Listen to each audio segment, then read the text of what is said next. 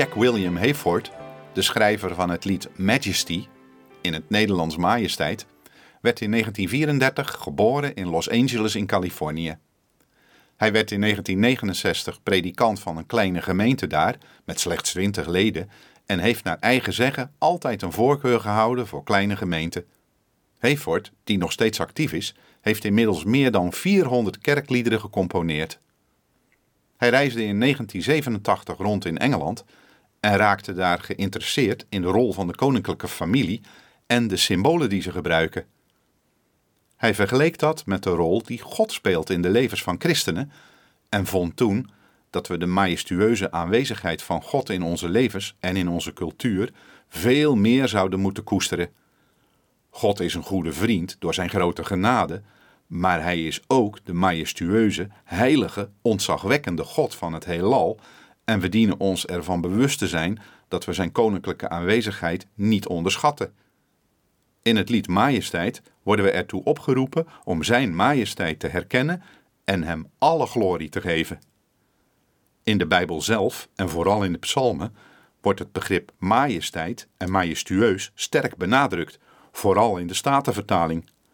Psalm 93 is een van de vele voorbeelden daarvan. De Heere regeert, hij is met majesteit bekleed. De Heere is bekleed en heeft zichzelf omgord met macht. Ja, vast staat de wereld. Hij zal niet wankelen. Vast staat uw troon van oudsher. U bent van eeuwigheid.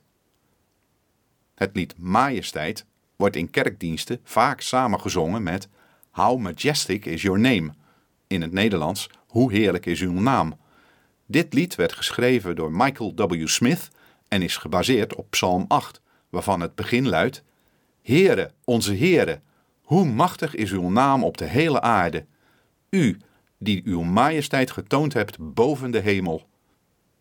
In deze combinatie komt het koninklijke karakter van de Almachtige God heel goed tot zijn recht.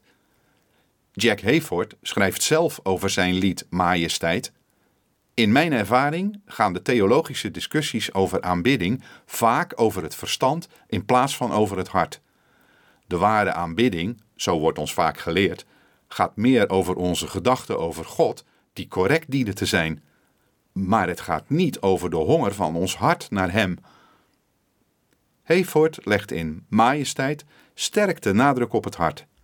Hij heeft één enkel thema gekozen en hij wil dat degene die het zingen dat thema boven alles voelen in de tekst en in de melodie. Het centrale theologische thema is eenvoudig: Christus is koning. Hij is als koning de soevereine vorst over alle. Het gaat in het lied om zijn koninklijk gezag. Zijn naam dient verheven te worden. De melodie probeert een koninklijke toon over te brengen, vooral in het ritme dat uitstekend past bij een fanfare. Men kan zich goed voorstellen dat dit lied door een brassband of een harmonie wordt gespeeld en gebruikt wordt als een waardige instrumentale processie tijdens een statige bijeenkomst. Daarmee is Majesteit een van de klassieke liedjes van het hedendaagse christelijke genre geworden. Het wordt al meer dan 30 jaar lang gezongen in allerlei kerken. Het allerbelangrijkste is dat onze hoogverheven God er alle lof en eer door krijgt die hem toekomt.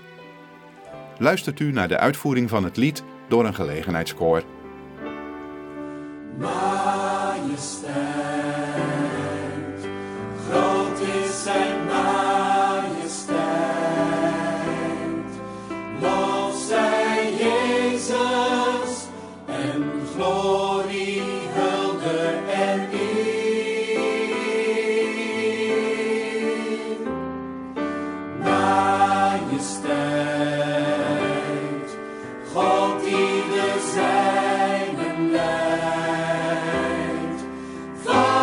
zijn troon, vestigt de zoon zijn heerschappij. Dus verhoog naar eeuwig